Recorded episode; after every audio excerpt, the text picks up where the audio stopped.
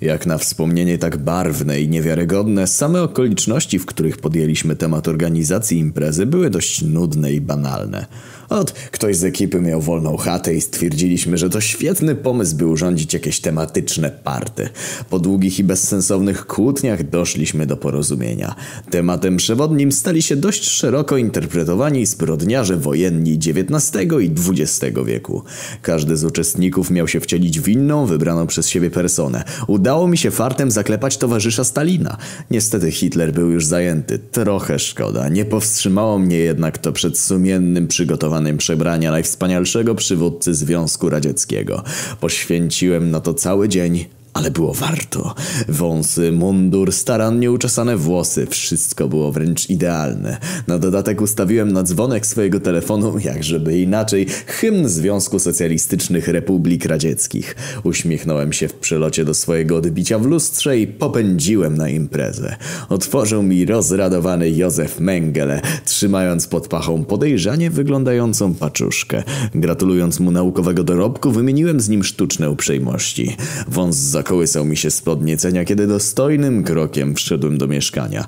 Na kanapie w salonie siedzieli już grzecznie Josip Brostito, Ewa Braun oraz Lew Trocki. Na korytarzu minąłem się z Mussolinim i Piłsudskim, którzy nie zwrócili na mnie uwagi pochłonięci zażartą dyskusją. Adolf Hitler pomachał mi ręką z za długiego rzędu butelek, którymi zastawiał stół. Na etykietach połowy butelek wódki widniała dumnie swastyka, a druga połowa szczeciła się przy pięknym konturem sierpa i młota. Dla każdego coś miłego. Spojrzałem groźnie na Trockiego, który niepewnie wyciągnął rękę w moim kierunku.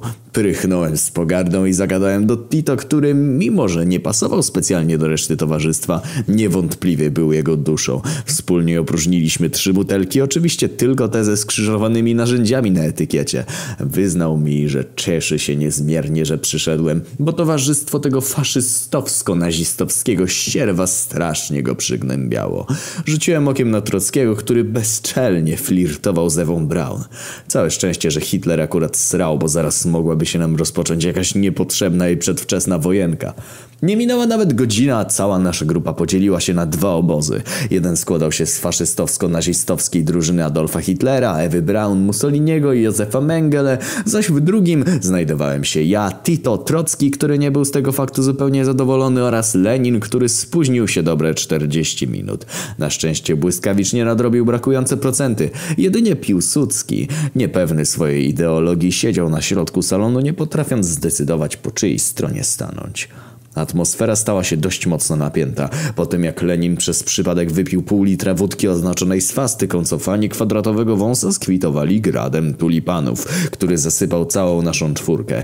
Tito, solidnie wstawiony, rzucił się na oponentów, ale na szczęście Trocki w porę go powstrzymał. Niestety byliśmy na przegranej pozycji, bo jak się okazało w swojej torbie Mengele miał schowane probówki z bronią chemiczną, która podejrzanie przypominała soki owocowe przelane do różnych fiolek. Woleliśmy jednak nie sprawdzać na własnej skórze, która z tych opcji była prawdziwa. Zamiast tego skupiliśmy się na ekspansji swojego terytorium, przywłaszczając sobie sporą część salonu i łazienkę, w której zamknęliśmy protestującego Piłsudskiego. Ewa Braun warknęła groźnie i przystąpiła do kontrataku, zgarniając dla swoich sojuszników balkony południowe i część kuchni. W tym czasie Mengele wraz z Hitlerem skupili się na skonstruowaniu miniaturowego oboziku zagładki z paru krzeseł i koca, w którym zamknęli Trockiego, który chwilę wcześniej wcześniej niezauważony zgonował na podłodze. Nie żebym się jakoś bardzo tym przejął, należało mu się, ale taka zniewaga nie mogła ujść im płazem. Po krótkiej naradzie z Tito i Leninem stwierdziliśmy, że czas przejść do zdecydowanej ofensywy. Nie mogliśmy zawieść mateczki Rosji.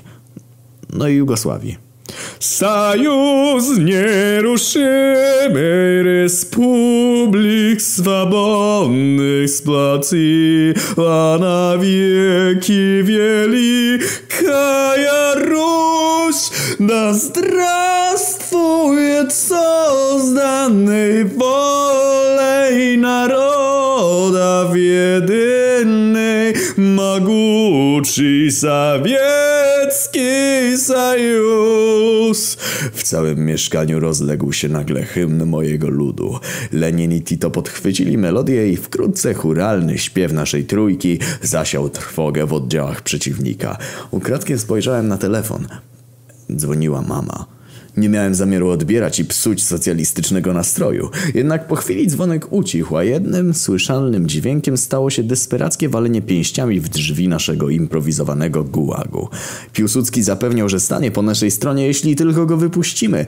Po krótkiej naradzie przystaliśmy na jego propozycję. Dodatkowy sojusznik był zbyt kuszącą ofertą. Postanowiliśmy nie przerywać agresywnej ekspansji i wkrótce cały przedpokój stał się częścią naszego pięknego, socjalistycznego państwa. Mussolini podjął nieśmiałą próbę odbicia opanowanych przez nas terenów, ale poniósł porażkę na całej linii, dając się schwytać Leninowi, który przetransportował go do najbliższego gułagu. Hitler ryknął groźnie, nie mogąc pogodzić się ze stratą cennego sojusznika. Mrugnął do Mengele, który wreszcie zdecydował się użyć swojego chemicznego arsenału. Dziwaczne opary, znane wszystkim dzieciakom posiadającym zestaw małego chemika, wypełniły cały pokój. Tito zaklaskał i upadł ciężko na ziemię. Próbowałem go odcucić, ale strach wziął górę i wraz z Leninem wycofaliśmy się na ziemię przedpokojowe, w których dało się jeszcze oddychać. Nasz poległy towarzysz podjął się heroicznej próby powstrzymania napastników w pojedynkę, zażygując ich serią cuchnących bełtów. Spowolniło ich to, ale nie powstrzymało przed wkroczeniem do salonu środkowego. Moje wąsy zamokły łzami, kiedy zrozumiałem, że porażka jest nieunikniona. Ale wtedy niespodziewanie do akcji wkroczył nas ubezwłasnowolniony sojusznik. Piłsudski, kryjący się za stalową tarczą z drzwiczek lodówki, niespodziewanie stanął na drodze Hitlerowi i jego hukance. Mengele próbował rzucać w niego wszystkim, co miał pod ręką, ale prowizoryczna tarcza chroniła go przed pociskami każdego rodzaju. Bohatersko sunął przez salon, niewzruszony zwłokami poległych leżących wokół. Zacisnąłem zęby, modląc się o to, żeby udało mu się sprostać tej przewadze liczebnej. W międzyczasie zaopatrzyłem się w giętki drut wyciągnięty z doniczki z kwiatkami, który wygiąłem na kształt sierpa. Mój towarzysz Lenin chwycił za młotek, który znalazł w skrzynce z narzędziami i z uśmiechem czekał na sygnał do ataku. Piłsudski spisał się całkiem nieźle jako odwrócenie uwagi. Swoim pewnym krokiem zepchnął nazistowskie ścierwa z powrotem na zachód. W tym czasie ja i Lenin zakradliśmy się na plecy tych przerażonych debili. Niestety udało nam się obalić jedynie Józefa, któremu skończyły się pomysły na improwizowaną amunicję i próbował rzucać w Piłsudskiego krzesłami. Podstępny cios w potylicę ostudził jego zapał. Zwróciło to jednak uwagę Adolfa i Ewy. Stanęli plecami do siebie, gotowi walczyć do ostatniej kropli krwi. Nim zdążyłem wykrzyczeć rozkaz ataku, do naszych uszu dobiegł odgłos klucza przekręcającego się w zamku. Po chwili na polu bitwy pojawił się nowy gracz. Franklin Delano Roosevelt stanął nad nami groźnie i rozejrzał się po pobojowisku. Po minie matki gospodarza zrozumieliśmy, że ani trochę nie podoba jej się to, co zrobiliśmy z Europą.